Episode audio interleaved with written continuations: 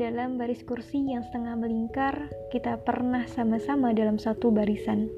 Awalnya tak pernah saling sapa dan bicara, hingga pada tiap takdirnya seolah memaksa kita bertatap hanya berdua saja.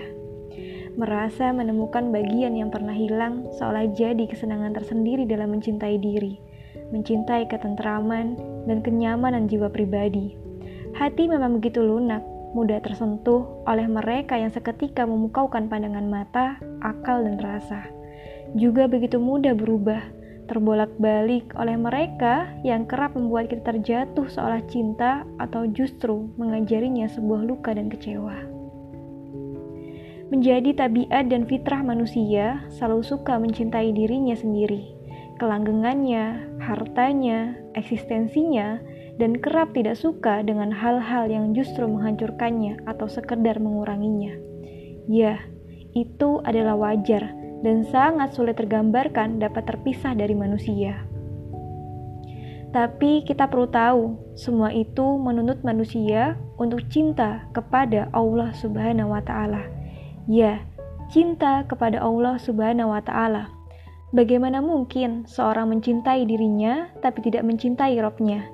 Yang menjadi sandarannya, yang menciptakan kelanggengan dalam hidupnya, yang menghimpunkan harta sebagai rizki untuknya, yang memberikan daya untuk eksistensinya, bahkan yang telah menciptakannya yang sebelumnya pun tidak ada.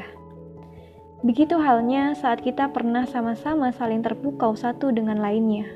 Mata, akal, dan rasa kita tertegun dengan segala keistimewaan yang ada menjadi tabiat dan fitrah manusia mencintai orang yang berbuat baik pada dirinya, mengasihi, melindungi, sampai membantu meraih segala tujuan dan mimpi-mimpi.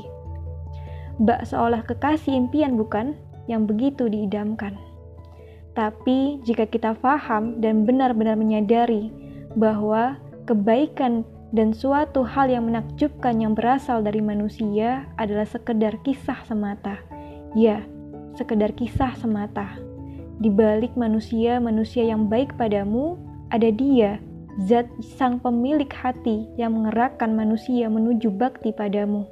Di balik tangan, kaki, dan lisan mereka yang mengasihi dan melindungimu, iya, ada dia, zat yang kuasa memaksa mereka hadir dalam hidupmu. Dan di balik mereka-mereka yang baik akhlak dan budinya, karismatik dengan kecerdasan dan lihai tutur katanya, cakap teduh dan indah parasnya. Ya, ingat, selalu ada dia, Allah Subhanahu wa Ta'ala, Zat yang Maha Kuasa Penciptanya.